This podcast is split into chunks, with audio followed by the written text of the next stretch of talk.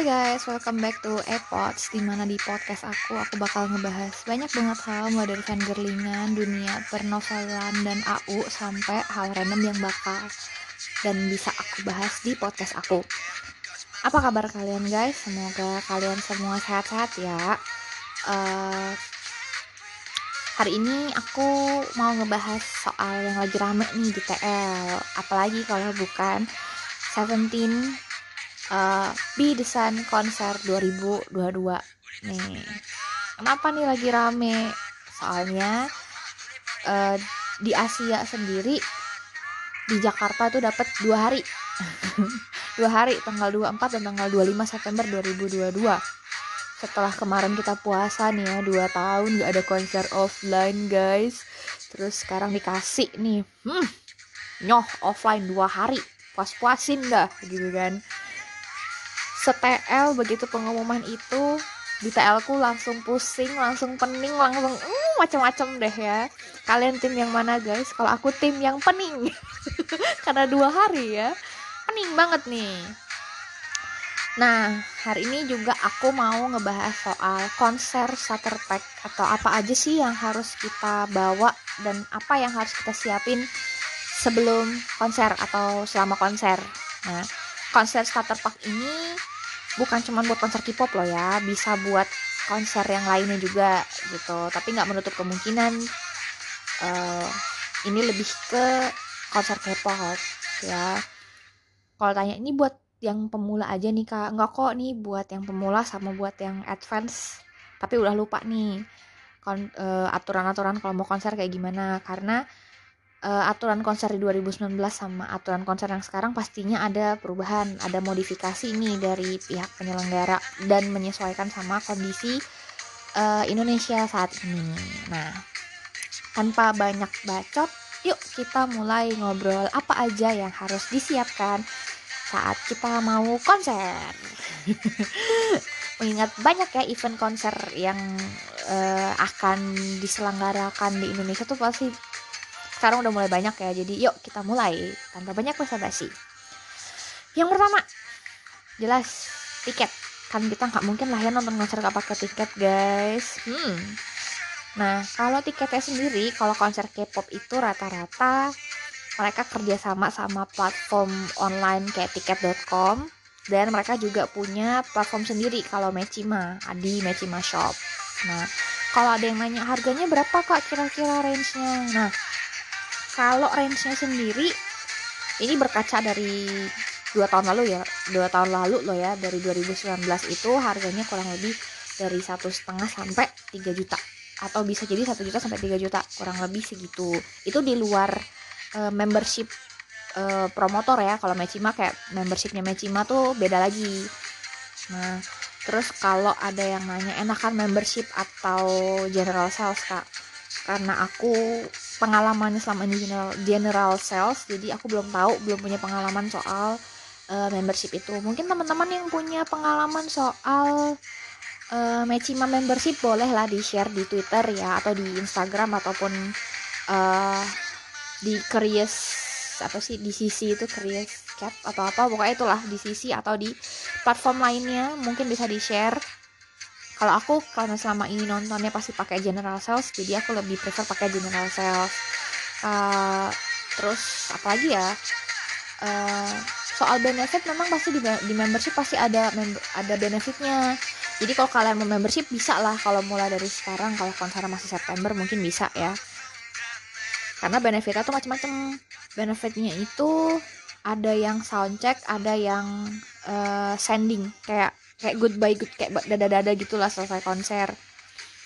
Terus apalagi ya? Kalau ditanya enakan sitting apa standing? Nah ini nih yang lumayan rame nih. Kalau buat aku pribadi ya kalau aku pribadi lebih prefer standing. Tapi aku sarankan ini kembali lagi ke fisik kekuatan fisik kalian dan kekuatan finansial kalian juga. Jadi kalau misalkan mampunya cuman bisa bayar yang sitting atau yang standing tapi agak di belakang oke okay guys. It's okay. Pelan-pelan pasti akan naik kelas nantinya atau pasti bakal berubah sectionnya nanti gitu kan. Uh, kalau dari pengalaman aku karena selama ini sitting ya eh selama ini standing mungkin plusnya standing adalah kita bisa lebih dekat bisa ngelihat mereka jauh lebih dekat gitu loh. Dan fan cam yang kita dapat yang kita ambil itu kurang lebih kayak lebih bersih aja lebih jernih gitu. Terus apalagi ya anakannya standing itu hmm, bisa lompat-lompat bisa bisa bisa kalau kalau konser Seventeen kalau non never stop Ajunais gitu kan. Non stop Ajunais tuh kan enakan lompat-lompat ya. Never ending Ajunais tuh enakan lompat-lompat ya kita bisa lompat-lompat gitu kalau seating enaknya adalah pakai seat number. Jadi nggak akan ada rebutan-rebutan lagi tuh. Jadi aman dan enak gitu. Jadi datang tinggal duduk aja gitu. Tinggal tinggal duduk manis. Terus bisa juga naruh barang-barang di kursi di depan kayak di apa sih namanya? Kayak jarak antara kursi kita sama kursi lain tuh kita bisa taruh barang-barang kita di situ. Kalau standing emang agak repot kalau misalkan kita e, bawa barang gitu kan maksudnya tasnya lumayan besar atau lumayan berat gitu emang agak agak repot. Cuman balik lagi ke kekuatan fisik masing-masing. Nah kekuatan fisik dan finansial lah ya. Kalian mampunya di mana? Ya udah nggak apa-apa. Kalau misalkan mampunya uh, mampu secara finansialnya beli yang uh, standing tapi yang agak jauh itu oke okay, nggak apa-apa. Pelan-pelan nanti bakal uh, naik kelas dengan sendirinya gitu kan. Yang penting euforianya sama tetap nonton konser gitu. Terus apalagi ya? Kalau ada yang nanya enakan section A atau section B? Enakan sebelah kiri atau saya uh, sebelah kiri apa sebelah kanan? Nah kalau itu sesuaikan lagi nih sama uh, layout mereka pas konser di Seoul. Nah karena enaknya nih enaknya kalau Bidesan yang sekarang ini juga ada konser online-nya dan di hari yang sama juga sama konser offline yang pertama kali di Seoul nanti minggu depan kita bisa lihat nih yang yang yang nonton uh, yang nonton di offline itu bisa kok offline sih yang nonton online itu bisa lihat kira-kira uh, biasnya tuh ada di mana lebih dominan di mana di sayap kiri apa sayap kanan. Nah kalau udah tahu nih kayak udah nonton yang di Seoul karena pasti uh, blockingannya juga nggak beda bisalah kalian uh, menentukan tuh dari situ ancar-ancarnya dari situ. Mau misalkan nih uh, oh Jonghan ini lebih lebih dominan di uh, sayap kiri. Ya udah berarti kita ngambil yang sebelah kiri kalau biasa Jonghan atau kayak misalkan Mingyu lebih ke sayap kanan ya udah berarti di kanan. Jadi harus dilihat dipetain dari situ juga apa kalau mau yang aman ya di extend stage. Karena kalau di extend stage itu biasanya mereka gila-gilaan di situ semua. Mereka jungkir balik juga di situ atau kalian kayak mau nyari lagu-lagu tertentu yang dibawain di extend uh, stage. Silahkan di extend stage di extend stage nggak apa-apa. Kalau aku pribadi lebih suka di satu sisi sih. Kalau nggak sisi kanan ya sisi kiri. Karena walaupun Sengcol emang hobinya jalan-jalan gitu kan. Cuman aku lebih nyaman di salah satu sisi aja biar enak biar kelihatan semuanya gitu kan kalau mereka di panggung utama. Gitu. Terus apa ya? Apalagi ya? Hmm, itu aja sih kalau dari pengalamanku loh ya. Terus apalagi ya yang harus disiapkan? Tentu saja penginapannya. Nah kalau penginapannya itu sendiri saran aku lebih baik sharing dan sebisa mungkin sebisa mungkin sharing lah dengan uh, orang yang kalian kenal dulu nih. Sama orang yang kalian kenal dulu yang apa ya kasarannya. Kalau di kalau udah mutualan dan udah beberapa kali interaksi. Nah sebisa mungkin sama mereka dulu. Maksudnya prioritaskan mereka dulu lah kalau emang ada yang ngajak sharing. Dan sharing yang yang ngajak sharing itu adalah mutual kalian dan kalian pernah berinteraksi nggak apa-apa sama mereka aja gitu kan kalaupun misalkan nanti ada orang yang orang asing atau orang dari luar um, circle kita tergantung lagi ke kitanya. Kalau aku pribadi nggak masalah gitu. Aku pribadi nggak masalah asalkan eh, sama-sama mengerti lah satu sama lain. Jadi nggak apa-apa. Kan ada beberapa orang yang agak sensitif ya maunya sama teman-temannya mereka uh, sama circle yang mereka aja. Itu nggak apa-apa. Dan nggak nerima circle lain nggak apa-apa. Ya udah itu itu hak mereka cuman ya itu kalau penginapan aku sarannya lebih baik kita sharing. Karena sharing lebih murah. Sharing jadi lebih murah. Dan for information guys untuk tanggal uh, 23 sampai tanggal 26 September itu beberapa uh, homestay dan beberapa hotel yang ada di daerah deket Ice BSD itu rata-rata udah sisa satu kamar dan udah full book semua luar biasa kan tiketnya belum tapi akomodasi kayak homestaynya tuh udah habis gitu kan karena ternyata nih ada one fun fact nih ada satu fakta ternyata di tanggal yang sama itu juga ada event uh, Komifuro gitu kan jadi dua ras terkuat di dunia bersatu dalam satu tempat. Uh, seru tuh. Dan ada yang bilang hati-hati ntar Uzi malah muncul di situ bukannya rehearsal malah dia muncul ke Komifuro gitu kan. ya kita nggak pernah tahu ya siapa tahu bisa ya. Terus kita bahas ke transportnya.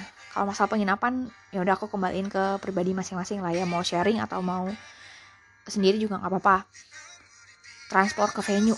Nah, transport ke venue ini nih kalau untuk teman-teman yang masih ada di seputaran Pulau Jawa itu bisa naik kereta atau bisa naik bis.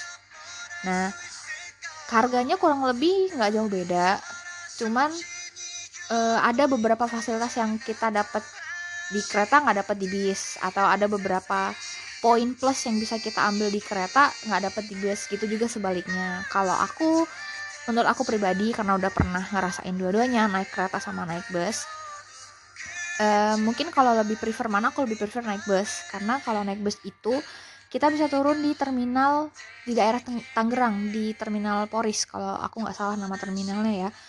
Itu begitu nyampe kita tinggal turun pesan grab buat ke daerah BSD dan itu juga nggak terlalu jauh.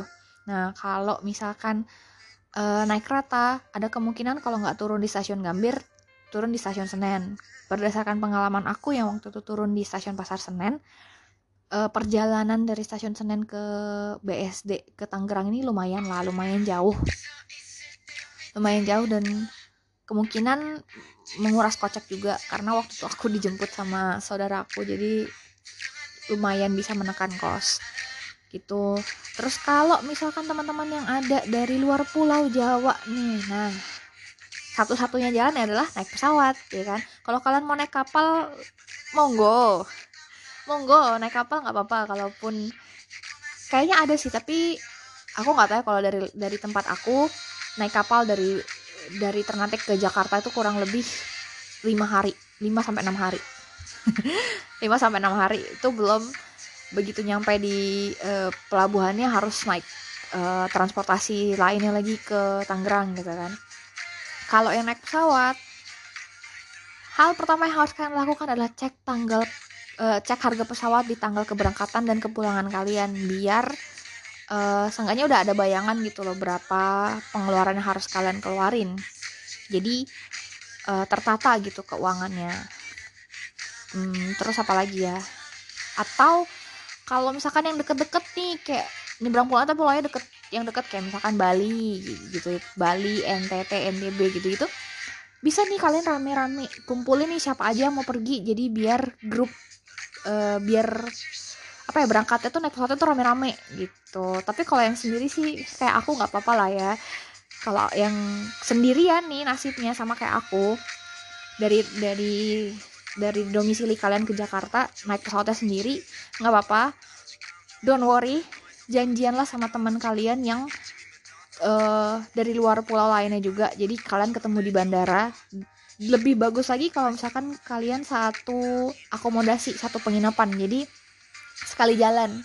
Dan itu juga bisa apa ya um, mengurangi apa mengurangi pengeluaran yang berlebihan kalau misalkan kita harus nanggung sendiri nih taksi atau transportasi dari uh, bandara ke Tangerangnya atau dari bandara ke BSD-nya begitu teman-teman biar lebih aman juga kalau rame-rame kan aman nih seenggaknya ada yang bantuin kita lah ada yang saling menjaga satu sama lain gitu terus kalau itu ke ke ini ya kalau misalkan dari dari tempat kalian dari rumah kalian ke uh, tempatnya kayak ke Tangerang ya ke daerahnya. Nah, sekarang aku bakal ngebahas ke venue-nya. Ini ada kaitannya sama penginapan juga nih. Kalau penginapan kalian deket sama venue kayak kurang lebih jalan 8 menit 10 menit tuh mendingan jalan kaki aja. Kalaupun jauh nih eh, saran aku ya mending setelah konser jangan jangan langsung pulang deh mendingan. Kayak mampir dulu di mana atau atau carilah tempat yang agak sepi biar bisa uh, pesan kendaraan umum kayak pesan Grab atau pesan Gojek itu lebih gampang. Karena kalau waktu itu ya waktu itu teman aku pesen grab langsung setelah keluar itu langsung susah banget dapat grab ya. Susah banget dan lama banget dapat grabnya. Jadi uh, agak nyambung sih. Kalau bisa penginapan yang kalian tempati itu jaraknya nggak terlalu jauh dari venue. Biar mengurangi apa ya mengurangi pengeluaran di biaya transportasinya juga terus lebih aman juga. Jadi kalian pulangnya juga lebih enak gitu. Hmm, itu aja sih kalau dari aku ya. Kalau soal transport ke venue sisanya kalian bisa tambahin sendiri atau bisa baca di uh, tweet dan yang ada uh, media sosial media lainnya. Sekarang aku mau ngebahas apa aja sih yang harus kita bawa di konser gitu ya. Dan agak nyambung sama peraturan konser yang sekarang nah ini nih mohon maaf tadi kepotong sebentar kepencet ternyata hamba uh, apa aja nih yang harus dibawa? Nah berdasarkan pengalaman lagi aturannya terakhir itu waktu 2019 tasnya nggak boleh lebih dari ukuran A4 jadi kalau misalkan yang bawa tas uh, tas gede aku aku juga bingung sih kenapa harus A4 ya gitu kan kenapa harus A4 ya? Kan rempong nih belum isi light stick belum isi uh, boneka. Kalau ada yang ada yang mau bawa dolnya belum dolnya belum slogannya. Kan rempong ya kan agak agak kecil lah A4 itu. Kalau dari pengalaman aku waktu itu tasku nggak diukur sih. Maksudnya e, masih ukuran standar nggak yang gede banget gitu. Tapi ada beberapa orang yang aku temuin di section aku waktu itu tasnya lumayan gede cukup gede dan itu ransel dan itu bikin sesek. Bikin sesek kalau pas kita standing itu tuh jadi lebih nggak nyaman gitu karena mereka space-nya makan makan space lumayan besar gitu. Mungkin itu kali yang dipreventifin sama mereka sampai sehingga harus banget A4 gitu ya. Harus banget A4 gitu. Kalau ditanya apa aja yang harus dibawa oh ya lupa dan tasnya sekarang harus tas PVC ya guys tas yang bening gitu loh aku nggak tahu ini diwajibin kayak kayaknya diwajibin ya kalau dari diwajibkan uh, eh, PVC dan bening. Jadi untuk memudahkan proses pemeriksaan.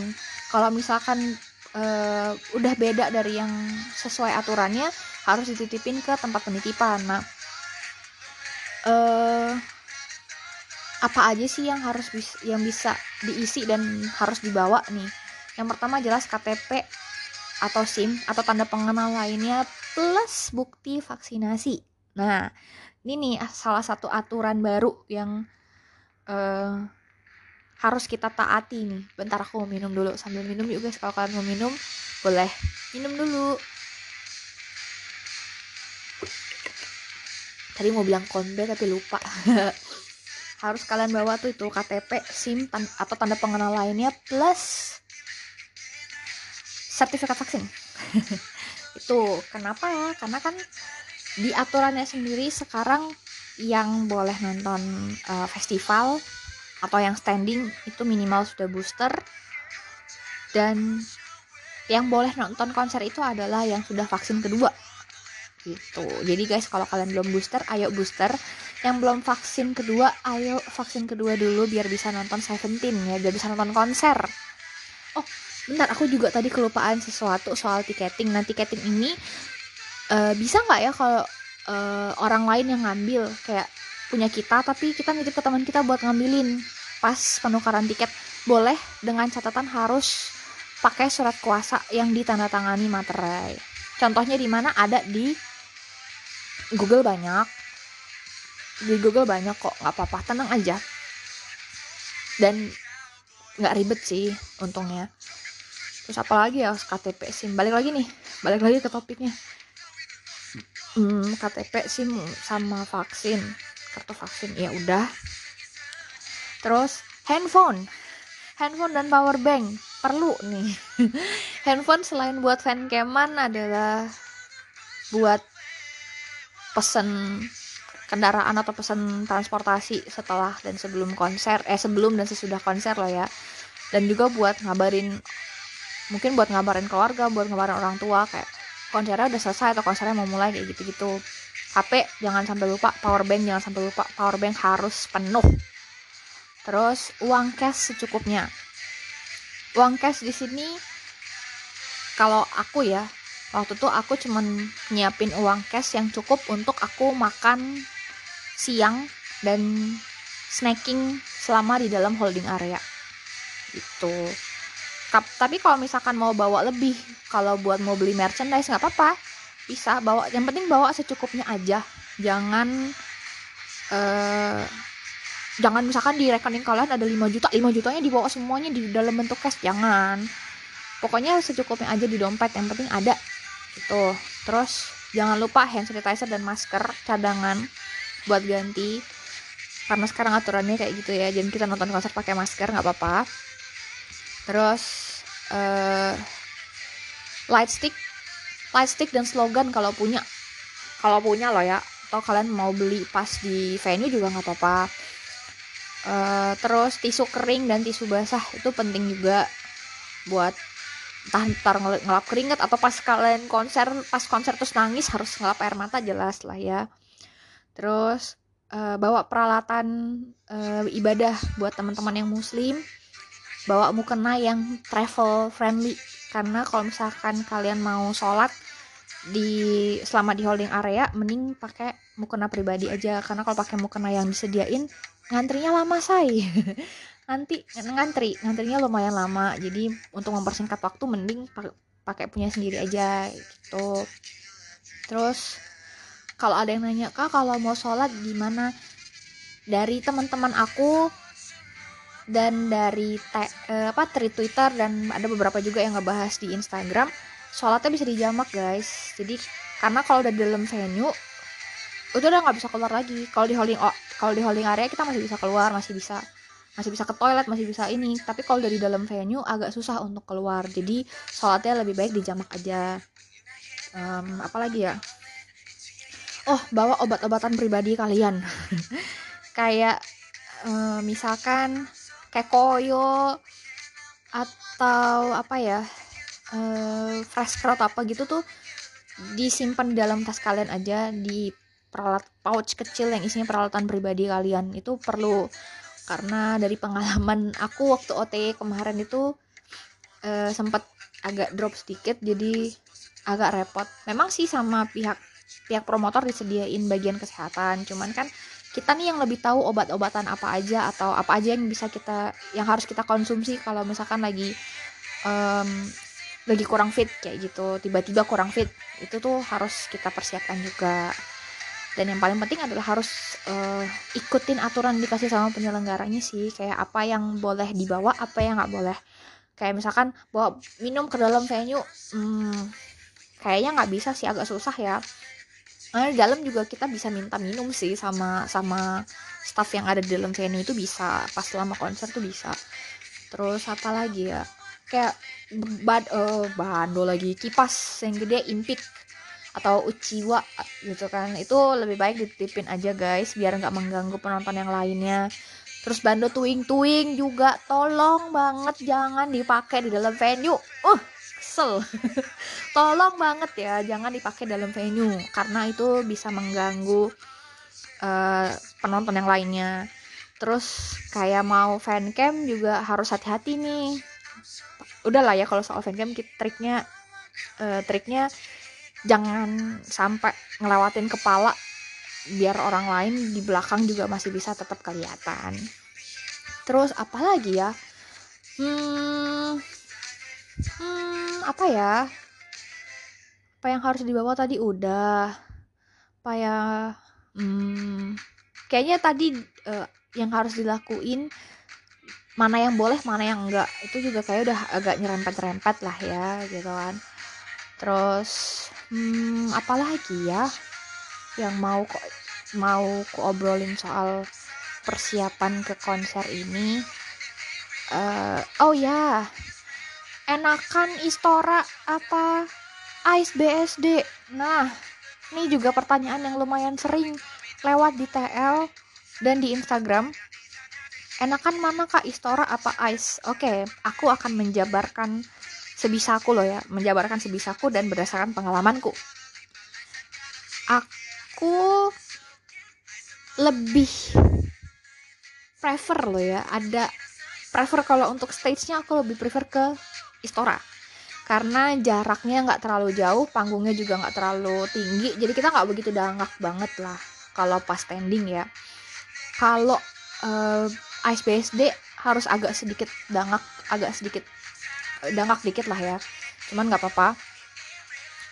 Terus um, plusnya kalau ice itu holding areanya dingin terus pas kita nunggu tempat kita buat nunggu ngantri sebelum masuk ke holdingnya juga lumayan ketutup lumayan adem.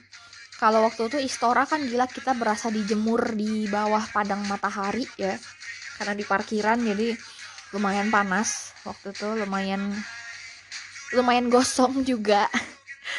Terus apa lagi ya? Holding areanya ice itu dingin kalau kemarin waktu di Istora nggak seberapa kan karena memang fungsinya Istora adalah buat olahraga kan. Jadi mungkin karena perbedaan fungsi gedungnya juga eh, pem, apa ya pemanfaatan gedungnya itu juga pasti beda gitu kan. Pas konser itu. Dari pengalamanku aku lebih suka holding areanya Ice BSD ketimbang Istora. Terus kalau misalkan aksesnya aksesnya aku lebih suka Istora karena di tengah kota bukan di tengah kota juga sih maksudnya gampang lah dijangkau dan um, banyak pilihan hotelnya juga. Jadi kalau mau nginep juga gampang. Kalau Ice ini kan agak kayak kota dalam kota nih BSD itu kota dalam kota buat aku. Jadi agak apa ya range-nya uh, untuk penginapan deket-deket situ memang banyak. Tapi kalau udah habis ya udah kalian harus cari yang agak jauh gitu.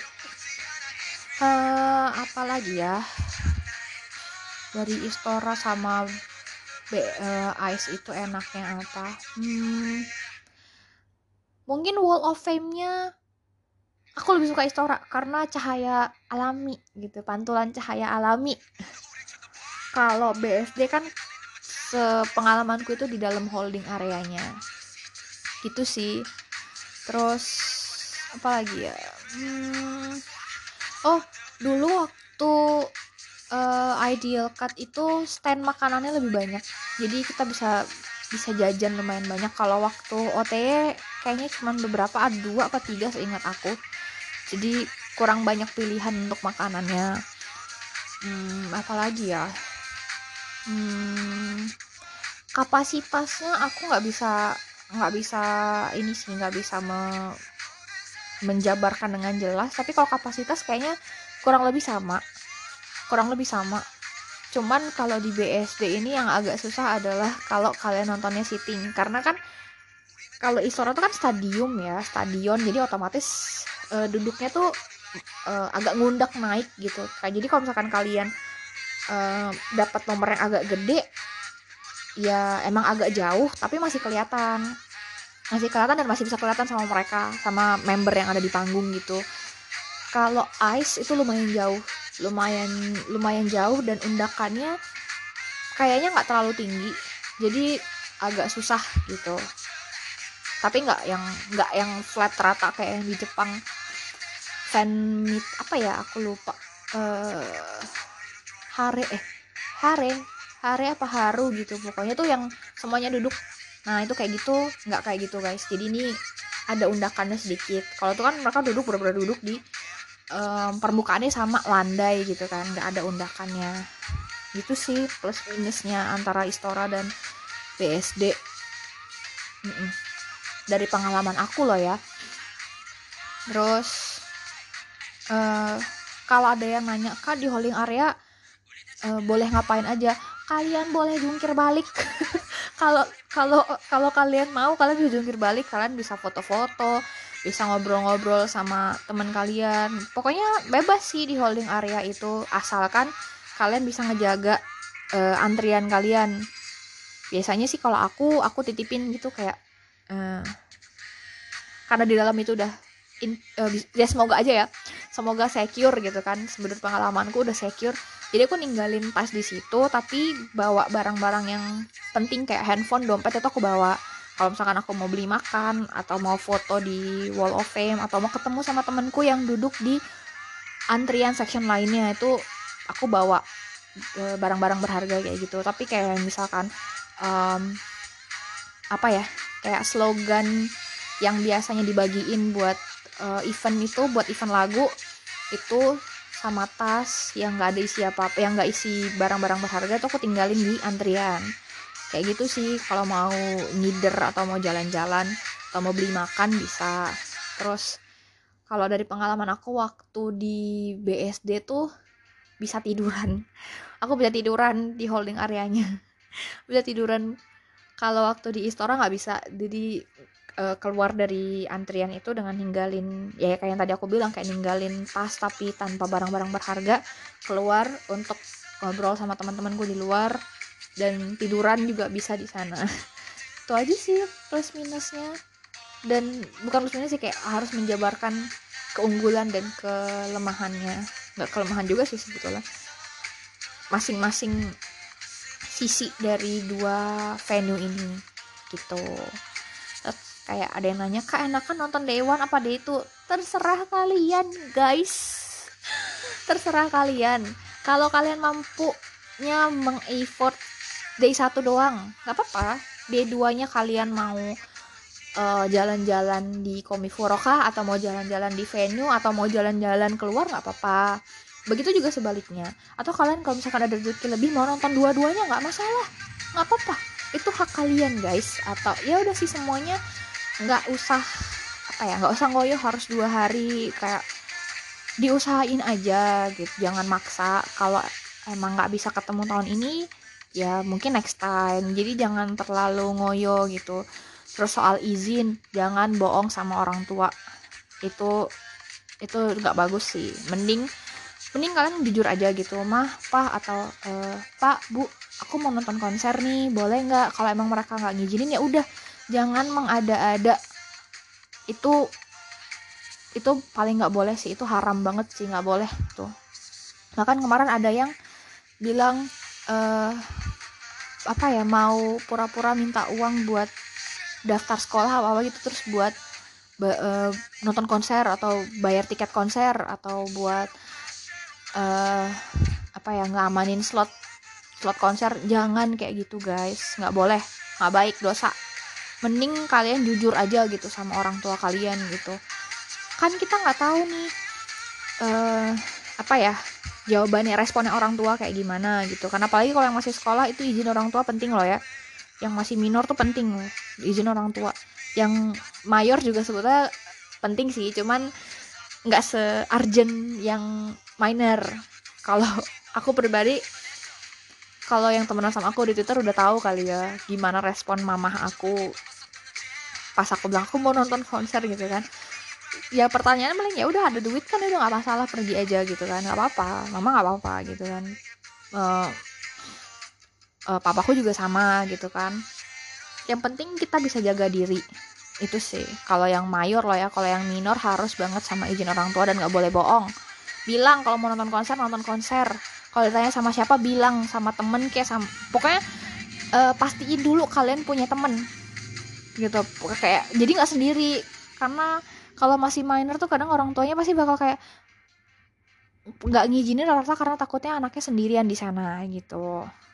Atau kalau misalkan orang tuanya baik kan kita nggak tahu nih kalau kalian nggak ngomong kalau nggak ngomong minta izin sama orang tuanya gitu kan siapa tahu ada yang oh yang ngizinin nonton konser tapi papa sama mama ikut sampai kamu masuk di dalam nanti kita uh, keluar kayak uh, kayak nyempil di bagian di sudut-sudut apa namanya sudut-sudut panggung apa uh, section nggak apa-apa. Yang penting orang tua kalian tahu kalian tuh beneran nonton konser gitu. Dan lebih bagus kalau misalkan mereka nemenin mereka mereka nemenin kalian masuk ke dalam tuh malah lebih bagus. Karena berdasarkan dari pengalaman aku tuh ada sering bahkan yang nontonnya sama uh, orang tuanya. Kayak anak-anak yang masih SMP SMA atau pokoknya anak-anak yang masih masih di bawah pengawasan orang tua nonton sama orang tuanya banyak gak apa-apa. Jujur aja sama orang tua kalian gak usah bohong. Karena kalau kalian bohong itu nanti takutnya efeknya nggak bagus gitu. Jujur aja kayak eh, ma aku mau nonton konser atau pak aku mau nonton konser boleh nggak kayak gitu. Dijelasin. Yang penting kalian jelasin baik-baik dan jangan ngelawan kalau misalkan mereka bilang nggak boleh itu ya udahlah itu kan. Memang mungkin belum rezekinya atau memang belum belum pas aja timingnya. Nurut aja nggak apa-apa guys. Karena kalau kalian nurut nanti uh, ke depannya bisa bisa dapat yang lebih gede. Pokoknya jangan jangan sampai ngebohongin orang tua. Udah titik. Itu nggak boleh loh ya. Hmm, apalagi ya? Uh, udah sih itu aja kali ya yang harus yang harus dipersiapkan uh, sebelum konser. Sama iya jangan lupa ini sih jaga kesehatan kalian jaga stamina kalian karena konser tuh lumayan lama. Apalagi kalau yang standing loh ya. Kalau kalian mau nonton standing persiapkan stamina kalian dari sekarang. Olahraga yang rajin makan yang sehat. Pokoknya jaga kesehatan lah selama interval beberapa bulan ini sebelum konser bahkan pas konser dan setelah konser semoga semuanya sehat juga ya. Pokoknya penting itu jaga kesehatan buat konser nanti. Itu aja episode uh, kali ini semoga bisa membantu. Dan semoga aku ngomong nggak nggak kecepatan ya. Dan semoga, semoga aja amin. Uh, dan semoga teman-teman yang tiketing Bidesan in Jakarta Seventeen Bidesan in Jakarta semuanya bisa dapat tiket sesuai kemauan kalian amin Semoga semuanya sehat sampai ketemu Sebong. Amin. Semoga Sebongnya sehat-sehat selama di Indo dan selamat tur. Amin. Mengingat apa yang barusan terjadi tadi pagi, berita tadi pagi soal Jonghan lumayan bikin shock ya, tapi semoga aja dia bisa cepat sembuh dan bisa cepat uh, apa ya, bisa cepat bergabung lagi dalam kondisi yang prima selama tur ini gitu. Sampai ketemu di konser. Semoga aja ya. Semoga aja if you guys um, meet me there. Feel free to say hi. Feel free to say hi. Dan mungkin aku juga kalau semoga jadi semoga bisa ya. Aku akan berbagi sedikit hadiah-hadiah kecil di venue. Semoga aja bisa dan semoga kita bisa ketemu ya guys. Amin. Udah itu aja episode kali ini. Thank you for listening dan Thank you for your attention. Sampai ketemu di episode selanjutnya. Bye bye.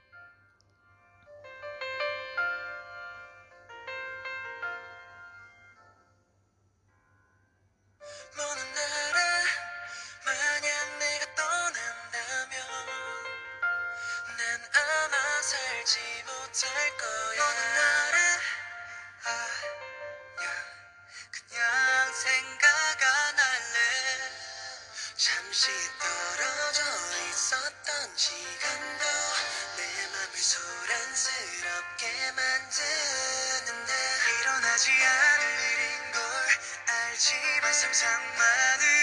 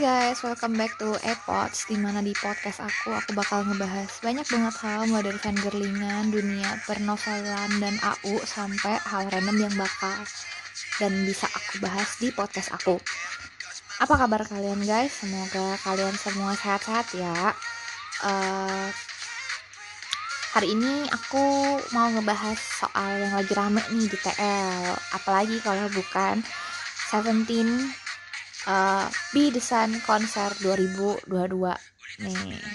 Kenapa nih lagi rame?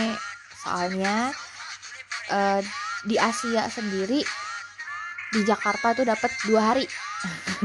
Dua hari tanggal 24 dan tanggal 25 September 2022 setelah kemarin kita puasa nih ya dua tahun gak ada konser offline guys. Terus sekarang dikasih nih. Hmm, nyoh offline dua hari. Puas-puasin dah gitu kan setel begitu pengumuman itu di TL ku langsung pusing, langsung pening, langsung uh, macam-macam deh ya. Kalian tim yang mana guys? Kalau aku tim yang pening. Karena dua hari ya. Pening banget nih. Nah, hari ini juga aku mau ngebahas soal konser starter pack atau apa aja sih yang harus kita bawa dan apa yang harus kita siapin sebelum konser atau selama konser. Nah, konser starter pack ini bukan cuma buat konser K-pop loh ya bisa buat konser yang lainnya juga gitu. Tapi nggak menutup kemungkinan uh, ini lebih ke konser K-pop ya. Kalau tanya ini buat yang pemula aja nih kak? Nggak kok nih buat yang pemula sama buat yang advance. Tapi udah lupa nih uh, aturan-aturan kalau mau konser kayak gimana. Karena uh, aturan konser di 2019 sama aturan konser yang sekarang pastinya ada perubahan, ada modifikasi nih dari pihak penyelenggara dan menyesuaikan sama kondisi uh, Indonesia saat ini. Nah, tanpa banyak bacot, yuk kita mulai ngobrol apa aja yang harus disiapkan saat kita mau konser. Mengingat banyak ya event konser yang uh, akan diselenggarakan di Indonesia tuh pasti sekarang udah mulai banyak ya jadi yuk kita mulai. Tanpa banyak basa-basi yang pertama jelas tiket. Kan kita nggak mungkin lah ya nonton konser gak pakai tiket guys. Hmm. Nah kalau tiketnya sendiri kalau konser K-pop itu rata-rata mereka kerjasama sama platform online kayak tiket.com dan mereka juga punya platform sendiri kalau Mechima di Mechima Shop. Nah kalau ada yang nanya harganya berapa kak kira-kira range-nya? Nah kalau range-nya sendiri ini berkaca dari dua tahun lalu ya dua tahun lalu loh ya dari 2019 itu harganya kurang lebih dari satu setengah sampai 3 juta. Atau bisa jadi satu juta sampai 3 juta kurang lebih segitu. Itu di luar uh, membership uh, promotor ya. Kalau Mechima kayak membershipnya Mechima tuh beda lagi. Nah terus kalau ada yang nanya enakan membership atau general sales kak karena aku pengalamannya selama ini general, general sales jadi aku belum tahu belum punya pengalaman soal uh, membership itu. Mungkin teman-teman yang punya pengalaman soal uh, Mechima membership boleh lah di share di Twitter ya atau di Instagram ataupun uh, di Curious apa sih di sisi itu Chris Cap atau apa pokoknya itulah di sisi atau di platform lainnya mungkin bisa di share kalau aku karena selama ini nontonnya pasti pakai general sales jadi aku lebih prefer pakai general sales. Uh, terus apa lagi ya? Uh, soal benefit memang pasti di, di membership pasti ada member, ada benefitnya. Jadi kalau kalian mau membership bisa lah kalau mulai dari sekarang kalau konser masih September mungkin bisa ya. Karena benefitnya tuh macam-macam benefitnya itu ada yang soundcheck ada yang uh, sending. Kayak kayak goodbye good kayak dada-dada gitulah selesai konser. Terus apalagi ya? Kalau ditanya enakan sitting apa standing? Nah ini nih yang lumayan rame nih. Kalau buat aku pribadi ya kalau aku pribadi lebih prefer standing. Tapi aku sarankan ini kembali lagi ke fisik kekuatan fisik kalian dan kekuatan finansial kalian juga. Jadi kalau misalkan mampunya cuman bisa bayar yang sitting atau yang standing tapi agak di belakang it's okay guys. It's okay. Pelan-pelan pasti akan naik kelas nantinya atau pasti bakal berubah sectionnya nanti gitu kan.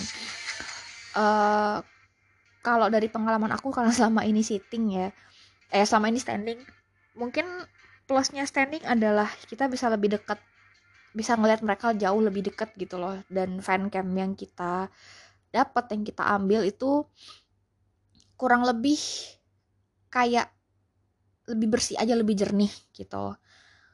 Terus apalagi ya anakannya standing itu hmm, bisa lompat-lompat bisa bisa kalau kalau konser Seventeen kalau non never stop Ajunais gitu kan non stop Ajunais tuh kan enakan lompat-lompat ya. Never ending Ajunais tuh enakan lompat-lompat. Ya kita bisa lompat-lompat gitu.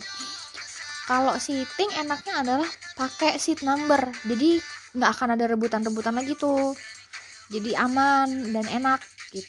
Dia datang tinggal duduk aja gitu. Tinggal tinggal duduk manis. Terus bisa juga naruh barang-barang di kursi di depan kayak di apa sih namanya kayak jarak antara kursi kita sama kursi lain tuh kita bisa taruh barang-barang kita di situ. Kalau standing emang agak repot kalau misalkan kita e, bawa barang gitu kan. Maksudnya tasnya lumayan besar atau lumayan berat gitu emang agak agak repot. Cuman balik lagi ke kekuatan fisik masing-masing. Nah kekuatan fisik dan finansial lah ya. Kalian mampunya di mana ya udah nggak apa-apa. Kalau misalkan mampunya uh, mampu secara finansialnya beli yang uh, standing tapi yang agak jauh itu oke okay, nggak apa-apa. Pelan-pelan nanti bakal uh, naik kelas dengan sendirinya gitu kan. Yang penting euforianya sama tetap nonton konser gitu. Terus apalagi ya? Kalau ada yang nanya enakan section A atau section B? Enakan sebelah kiri atau saya uh, sebelah kiri apa sebelah kanan? Nah kalau itu sesuaikan lagi nih sama uh, layout mereka pas konser di Seoul. Nah karena enaknya nih enaknya kalau Bidesan yang sekarang ini juga ada konser online-nya dan di hari yang sama juga sama konser offline yang pertama kali di Seoul nanti minggu depan kita bisa lihat nih yang yang yang nonton uh, yang nonton di offline itu bisa kok offline sih yang nonton online itu bisa lihat kira-kira uh, biasnya tuh ada di mana lebih dominan di mana di sayap kiri apa sayap kanan. Nah kalau udah tahu nih kayak udah nonton yang di Seoul karena pasti uh, blockingannya juga nggak beda bisalah kalian uh, menentukan tuh dari situ ancar-ancara dari situ. Mau misalkan nih uh, oh Jonghan ini lebih lebih dominan di uh, sayap kiri ya udah berarti kita ngambil yang sebelah kiri kalau biasa Jonghan atau kayak misalkan Minggu lebih ke sayap kanan ya udah berarti di kanan.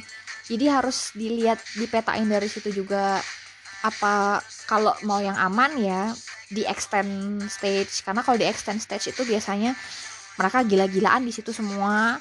Mereka jungkir balik juga di situ. Atau kalian kayak mau nyari lagu-lagu tertentu yang dibawain di extend uh, stage silahkan di extend set di extend stage nggak apa-apa.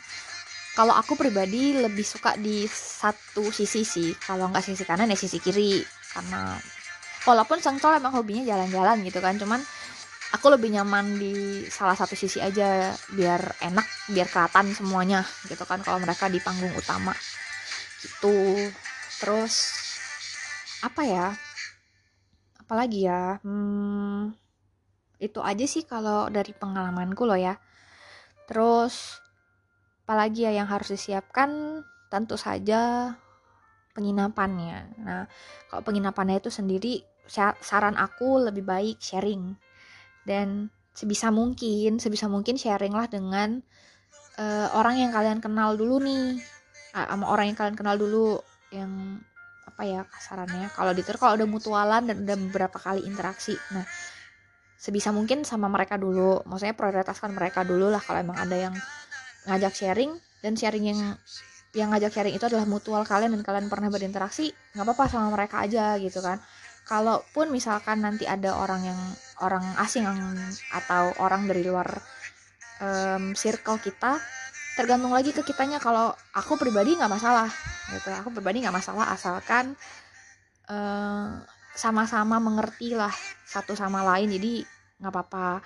Kan ada beberapa orang yang agak sensitif ya maunya sama teman-temannya mereka uh, sama circle mereka aja. Itu nggak apa-apa. Dan nggak nerima circle lain nggak apa-apa. Ya udah itu itu hak mereka cuman ya itu kalau penginapan aku sarannya lebih baik kita sharing karena sharing lebih murah. Sharing jadi lebih murah. Dan for information guys untuk tanggal uh, eh, 23 sampai tanggal 26 September itu beberapa uh, homestay dan beberapa hotel yang ada di daerah deket Ice BSD itu rata-rata udah sisa satu kamar dan udah full book semua luar biasa kan? Tiketnya belum tapi akomodasi kayak homestaynya tuh udah habis gitu kan. Karena ternyata nih ada one fun fact nih. Ada satu fakta ternyata di tanggal yang sama itu juga ada event uh, komifuro gitu kan? Jadi dua ras terkuat di dunia bersatu dalam satu tempat. Uh seru tuh dan ada yang bilang hati-hati ntar Uji malah muncul di situ. Bukannya rehearsal malah dia muncul ke komifuro gitu kan. Ya kita nggak pernah tahu ya siapa tahu bisa ya. Terus kita bahas ke transportnya. Kalau masalah penginapan ya udah aku kembaliin ke pribadi masing-masing lah ya. Mau sharing atau mau sendiri juga nggak apa-apa. Transport ke venue. Nah transport ke venue ini nih kalau untuk teman-teman yang masih ada di seputaran Pulau Jawa itu bisa naik kereta atau bisa naik bis. Nah harganya kurang lebih nggak jauh beda. Cuman uh, ada beberapa fasilitas yang kita dapat di kereta nggak dapat di bis. Atau ada beberapa poin plus yang bisa kita ambil di kereta nggak dapat di bis gitu juga sebaliknya. Kalau aku menurut aku pribadi karena udah pernah ngerasain dua-duanya naik kereta sama naik bus uh, mungkin kalau lebih prefer mana aku lebih prefer naik bus karena kalau naik bus itu kita bisa turun di terminal di daerah Tangerang di terminal Poris kalau aku nggak salah nama terminalnya ya itu begitu nyampe kita tinggal turun pesan grab buat ke daerah BSD dan itu juga nggak terlalu jauh. Nah kalau misalkan e, naik kereta ada kemungkinan kalau nggak turun di stasiun Gambir turun di stasiun Senen. Berdasarkan pengalaman aku yang waktu itu turun di stasiun Pasar Senen, e, perjalanan dari stasiun Senen ke BSD ke Tangerang ini lumayan lah, lumayan jauh, lumayan jauh dan kemungkinan menguras kocek juga karena waktu itu aku dijemput sama saudara aku jadi lumayan bisa menekan kos gitu. Terus kalau misalkan teman-teman yang ada dari luar pulau Jawa nih nah satu-satunya jalan adalah naik pesawat ya kan? Kalau kalian mau naik kapal monggo monggo naik kapal nggak apa-apa kalaupun kayaknya ada sih tapi aku nggak tahu ya kalau dari dari tempat aku naik kapal dari dari Ternate ke Jakarta itu kurang lebih lima hari 5 sampai enam hari 5 sampai 6 hari itu belum begitu nyampe di uh, pelabuhannya harus naik uh, transportasi lainnya lagi ke Tangerang gitu kan. Kalau yang naik pesawat, hal pertama yang harus kalian lakukan adalah cek tanggal uh, cek harga pesawat di tanggal keberangkatan dan kepulangan kalian biar uh, seenggaknya udah ada bayangan gitu loh berapa pengeluaran yang harus kalian keluarin. Jadi uh, tertata gitu keuangannya hmm, terus apa lagi ya atau kalau misalkan yang deket-deket nih kayak nyebrang pulau tapi pulaunya deket yang deket kayak misalkan Bali gitu Bali NTT NTB gitu gitu bisa nih kalian rame-rame kumpulin nih siapa aja yang mau pergi jadi biar grup uh, biar apa ya berangkatnya tuh naik pesawatnya tuh rame-rame gitu. Tapi kalau yang sendiri sih kayak aku nggak apa-apa lah ya. Kalau yang sendirian nih nasibnya sama kayak aku dari dari dari domisili kalian ke Jakarta naik pesawatnya sendiri nggak apa-apa. Don't worry janjianlah sama teman kalian yang uh, dari luar pulau lainnya juga. Jadi kalian ketemu di bandara lebih bagus lagi kalau misalkan kalian satu akomodasi satu penginapan. Jadi sekali jalan. Dan itu juga bisa apa ya um, mengurangi apa mengurangi pengeluaran yang berlebihan kalau misalkan kita harus nanggung sendiri nih taksi atau transportasi dari uh, bandara ke Tangerangnya atau dari bandara ke BSD-nya begitu teman-teman biar lebih aman juga. Kalau rame-rame kan aman nih seenggaknya ada yang bantuin kita lah ada yang saling menjaga satu sama lain gitu. Terus kalau itu ke ke ini ya kalau misalkan dari dari tempat kalian dari rumah kalian ke uh, tempatnya. Kayak ke Tangerang ya ke daerahnya. Nah sekarang aku bakal ngebahas ke venue-nya. Ini ada kaitannya sama penginapan juga nih kalau penginapan kalian deket sama venue kayak kurang lebih jalan 8 menit 10 menit tuh mendingan jalan kaki aja. Kalaupun jauh nih uh, saran aku ya mending setelah konser jangan jangan langsung pulang deh mendingan. Kayak mampir dulu di mana atau atau carilah tempat yang agak sepi biar bisa uh, pesen kendaraan umum kayak pesen Grab atau pesen Gojek itu lebih gampang. Karena kalau waktu itu ya waktu itu teman aku pesen grab langsung setelah keluar itu langsung susah banget dapat grab ya. Susah banget dan lama banget dapat grabnya. Jadi uh, agak nyambung sih. Kalau bisa penginapan yang kalian tempati itu jaraknya nggak terlalu jauh dari venue. Biar mengurangi apa ya mengurangi pengeluaran di biaya transportasinya juga terus biar lebih aman juga. Jadi kalian pulangnya juga lebih enak gitu. Hmm, itu aja sih kalau dari aku ya kalau soal transport ke venue. Sisanya kalian bisa tambahin sendiri atau bisa baca di uh, tweet dan yang ada uh, media sosial media lainnya. Sekarang aku mau ngebahas apa aja sih yang harus kita bawa di konser gitu ya. Dan agak nyambung sama peraturan konser yang sekarang nah ini nih mohon maaf tadi kepotong sebentar kepencet ternyata hamba uh, apa aja nih yang harus dibawa?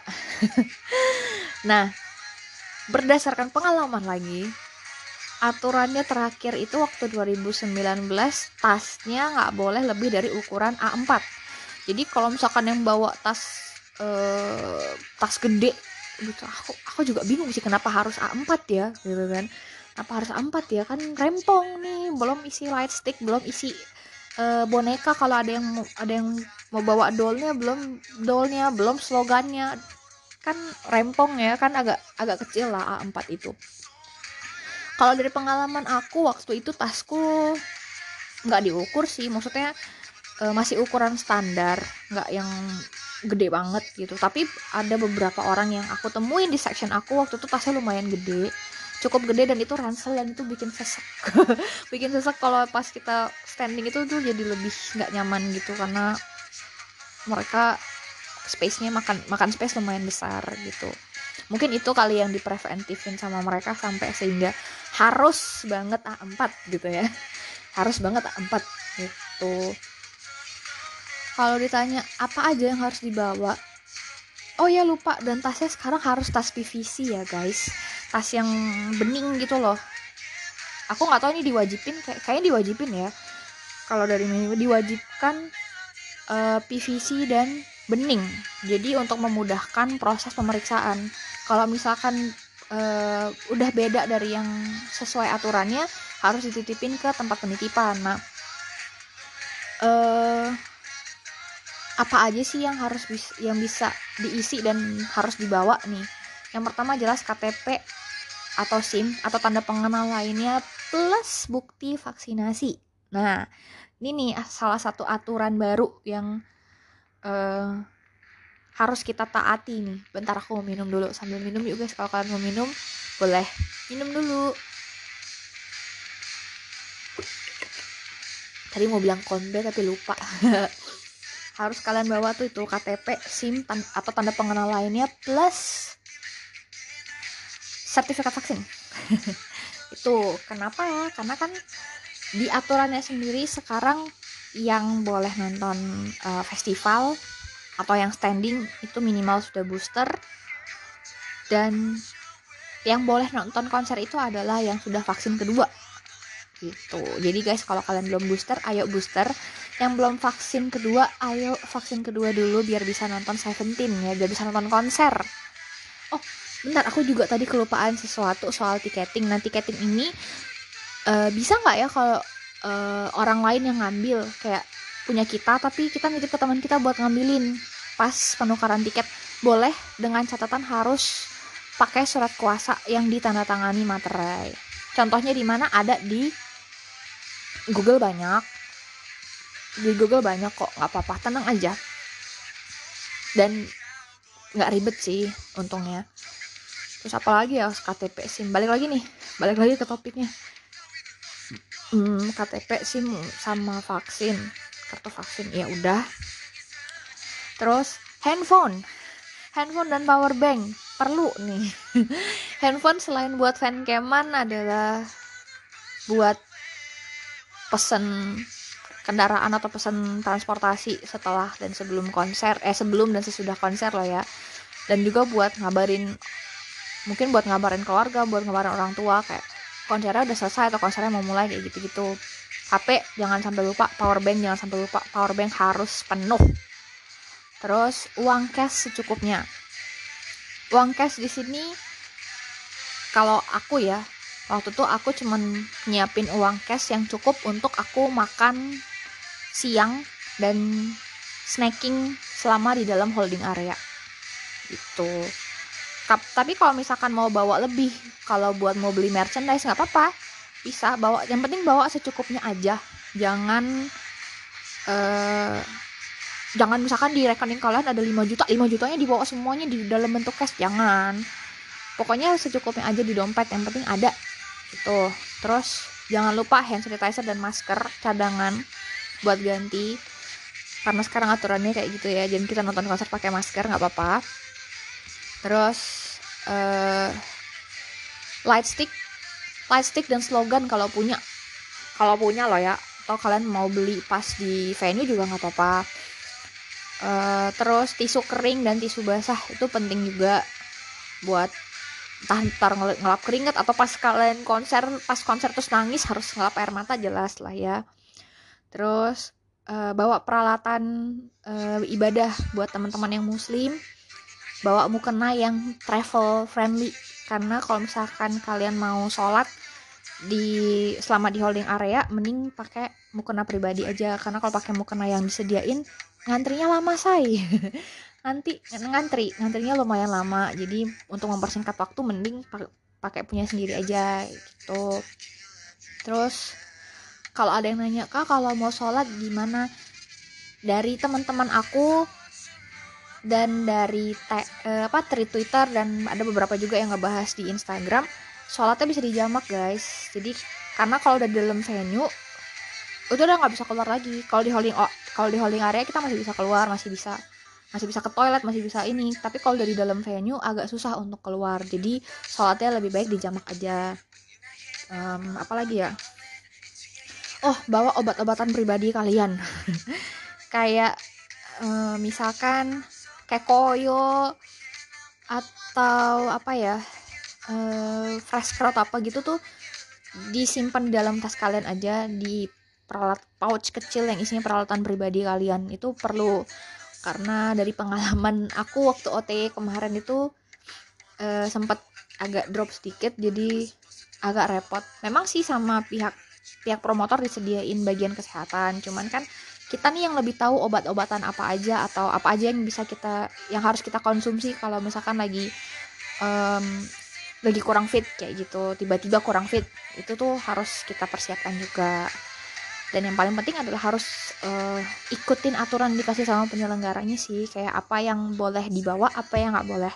Kayak misalkan bawa minum ke dalam venue hmm, kayaknya nggak bisa sih agak susah ya nah, di dalam juga kita bisa minta minum sih sama sama staff yang ada di dalam venue itu bisa. Pas selama konser tuh bisa. Terus apa lagi ya? Kayak bad uh, bando lagi kipas yang gede impik atau uciwa gitu kan. Itu lebih baik dititipin aja guys biar nggak mengganggu penonton yang lainnya. Terus bando tuing tuing juga tolong banget jangan dipakai di dalam venue. Uh kesel. Tolong banget ya jangan dipakai dalam venue karena itu bisa mengganggu uh, penonton yang lainnya. Terus kayak mau fancam juga harus hati-hati nih. Udahlah ya kalau soal fancam triknya uh, triknya jangan sampai ngelewatin kepala biar orang lain di belakang juga masih bisa tetap kelihatan. Terus apa lagi ya? Hmm, hmm apa ya? Apa yang harus dibawa tadi? Udah. Apa ya? Hmm, kayaknya tadi uh, yang harus dilakuin mana yang boleh mana yang enggak. Itu juga kayak udah agak nyerempet-nyerempet lah ya gitu kan. Terus hmm, apalagi ya yang mau kok mau obrolin soal persiapan ke konser ini? Uh, oh ya enakan Istora apa? Ice BSD nah ini juga pertanyaan yang lumayan sering lewat di TL dan di Instagram. Enakan mana kak? Istora apa Ice oke aku akan menjabarkan sebisaku loh ya. Menjabarkan sebisaku dan berdasarkan pengalamanku. Aku lebih prefer loh ya. Ada prefer kalau untuk stage-nya aku lebih prefer ke Istora. Karena jaraknya nggak terlalu jauh panggungnya juga nggak terlalu tinggi jadi kita nggak begitu dangak banget lah kalau pas standing ya. Kalau uh, Ice BSD harus agak sedikit dangak agak sedikit dangak dikit lah ya. Cuman nggak apa-apa. Terus um, plusnya kalau ice itu holding areanya dingin terus pas kita nunggu tempat kita buat nunggu ngantri sebelum masuk ke holdingnya juga lumayan ketutup lumayan adem. Kalau waktu itu Istora kan gila kita berasa dijemur di bawah padang matahari ya. Karena di parkiran jadi lumayan panas. Waktu itu lumayan lumayan gosong juga. Terus apa lagi ya? Holding areanya ice itu dingin kalau kemarin waktu di Istora nggak seberapa kan karena memang fungsinya Istora adalah buat olahraga kan. Jadi mungkin karena perbedaan fungsi gedungnya juga eh, pem, apa ya pemanfaatan gedungnya itu juga pasti beda gitu kan. Pas konser itu dari pengalamanku aku lebih suka holding areanya Ice BSD ketimbang Istora. Terus kalau misalkan aksesnya aksesnya aku lebih suka Istora karena di tengah kota bukan di tengah kota juga sih maksudnya gampang lah dijangkau dan um, banyak pilihan hotelnya juga. Jadi kalau mau nginep juga gampang. Kalau Ice ini kan agak kayak kota dalam kota nih BSD itu kota dalam kota buat aku. Jadi agak apa ya range-nya uh, untuk penginapan dekat-dekat situ memang banyak. Tapi kalau udah habis ya udah kalian harus cari yang agak jauh gitu. Uh, apa lagi ya dari Istora sama B, uh, Ice itu enaknya apa? Hmm, mungkin Wall of Fame-nya aku lebih suka Istora karena cahaya alami gitu pantulan cahaya alami. Kalau BSD kan sepengalamanku itu di dalam holding areanya. Gitu sih. Terus apa lagi ya? Hmm, oh dulu waktu uh, ideal cut itu stand makanannya lebih banyak. Jadi kita bisa bisa jajan lumayan banyak. Kalau waktu OTE kayaknya cuma beberapa ada dua apa tiga seingat aku. Jadi kurang banyak pilihan untuk makanannya. Hmm, apalagi ya? Hmm, kapasitasnya aku nggak bisa nggak bisa ini sih nggak bisa me, menjabarkan dengan jelas. Tapi kalau kapasitas kayaknya kurang lebih sama kurang lebih sama. Cuman kalau di BSD ini yang agak susah adalah kalau kalian nontonnya sitting. Karena kan kalau Istora itu kan stadium ya stadion. Jadi otomatis uh, duduknya tuh uh, agak ngundak naik gitu. Kayak jadi kalau misalkan kalian uh, dapat nomor yang agak gede ya emang agak jauh tapi masih kelihatan. Masih kelihatan dan masih bisa kelihatan sama mereka sama member yang ada di panggung gitu. Kalau ice itu lumayan jauh lumayan lumayan jauh dan undakannya kayaknya nggak terlalu tinggi. Jadi agak susah gitu. Tapi nggak yang nggak yang flat rata kayak yang di Jepang. Fan meet apa ya aku lupa. Uh, hare eh hare hare apa haru gitu. Pokoknya tuh yang semuanya duduk. Nah itu kayak gitu nggak kayak gitu guys. Jadi ini ada undakannya sedikit. Kalau tuh kan mereka duduk benar-benar duduk di um, permukaannya sama landai gitu kan nggak ada undakannya. Gitu sih plus minusnya antara Istora dan BSD mm -mm. dari pengalaman aku loh ya.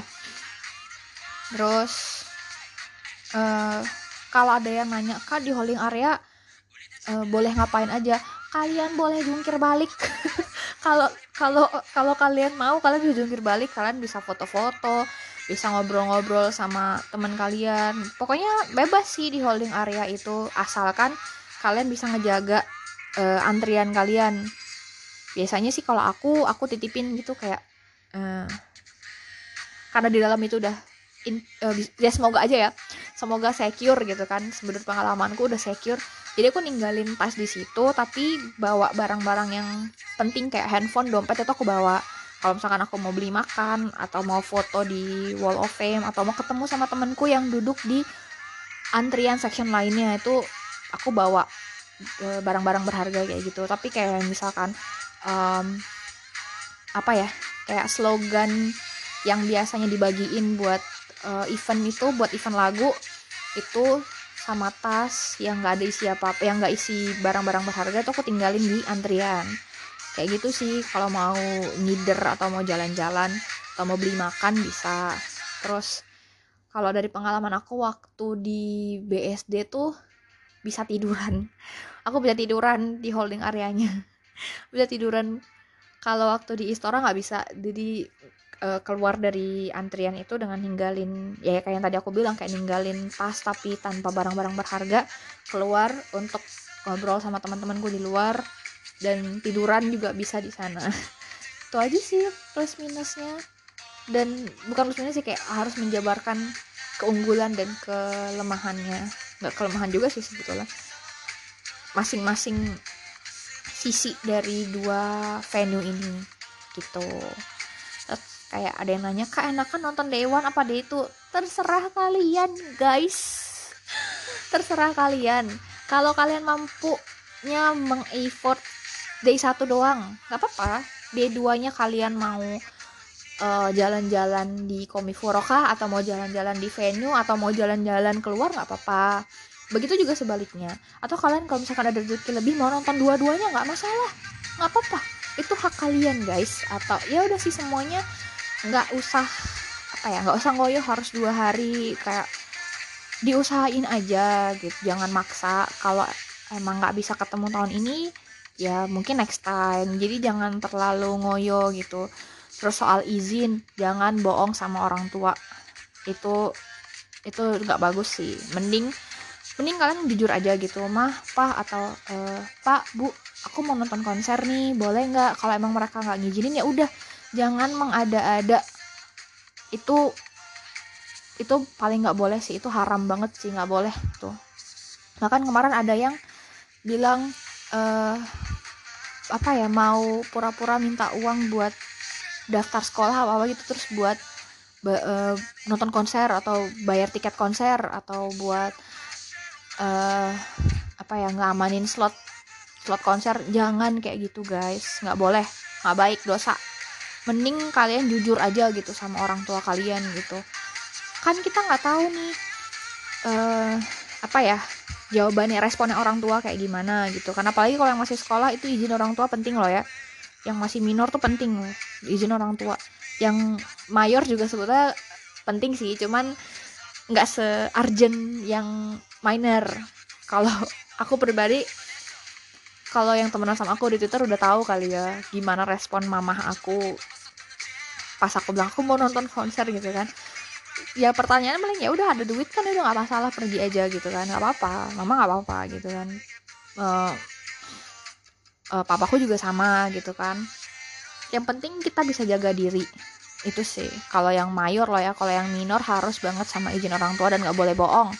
Bilang kalau mau nonton konser nonton konser. Kalau ditanya sama siapa bilang sama temen kayak sama pokoknya uh, pastiin dulu kalian punya temen. Gitu. Kayak jadi nggak sendiri. Karena kalau masih minor tuh kadang orang tuanya pasti bakal kayak nggak ngizinin rata karena takutnya anaknya sendirian di sana gitu.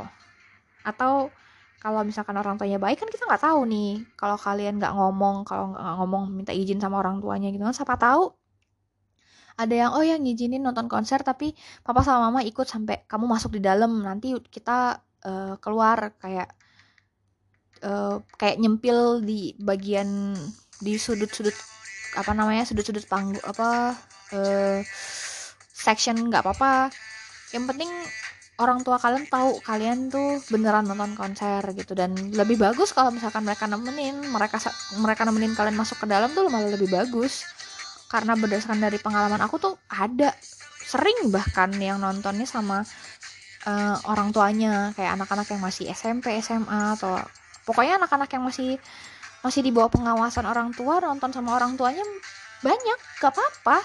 Jujur aja sama orang tua kalian gak usah bohong. Karena kalau kalian bohong itu nanti takutnya efeknya nggak bagus gitu. Jujur aja kayak e, ma aku mau nonton konser atau pa aku mau nonton konser boleh nggak kayak gitu.